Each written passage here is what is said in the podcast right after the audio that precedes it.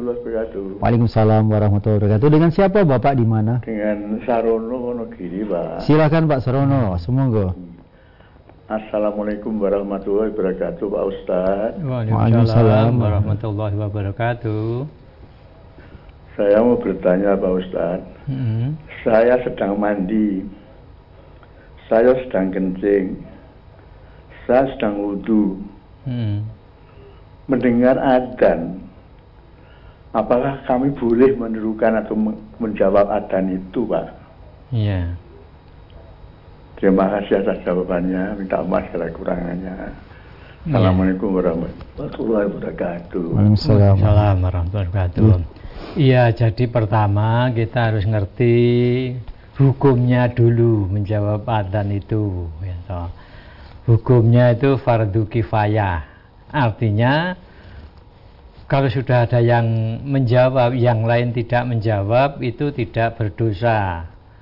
Yang tidak menjawab tadi.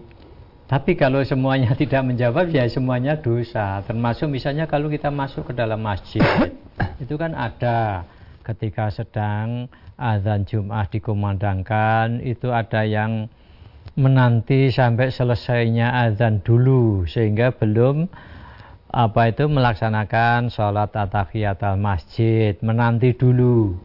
Sampai selesai sampai ah, muadzin tadi menyelesaikan azannya. Tapi ada juga yang terus begitu masuk ke dalam masjid walaupun di situ disuarakan azan azan Jum'ah misalnya itu menanti dulu eh, langsung gitu.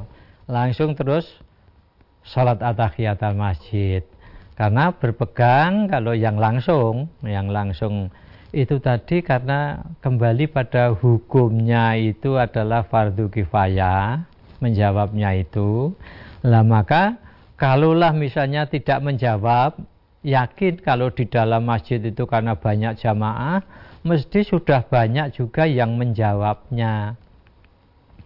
Jadi sudah banyak yang menjawab ya, apa itu? Muadzin tadi ya sehingga karena fardu kifayah maka dia terus langsung masuk ke dalam masjid. Itu terus Allahu Akbar takbiratul ihram. Ya terus sholat tahiyat al masjid itu kadang merasa di masjid itu pasti sudah ada. Itu. pasti sudah ada yang yang menjawabnya masa sekian banyak jamaah tidak ada itu? Lah itu. Tapi itu tadi ada yang ah menanti dulu gitu. Menjawab azan dulu baru nah, nanti setelah selesai takbiratul ihram terus melaksanakan sholat tahiyat al masjid itu. Nah sampai sedemikian rupa itu di dalam apa itu mensikapi bagaimana kita kalau mendapat atau mendengar suara azan sedang dikumandangkan itu itu dijawab begitu. Nah sehingga itu kalau sedang ngam apa pun misalnya itu boleh saja tidak menjawab tidak apa-apa.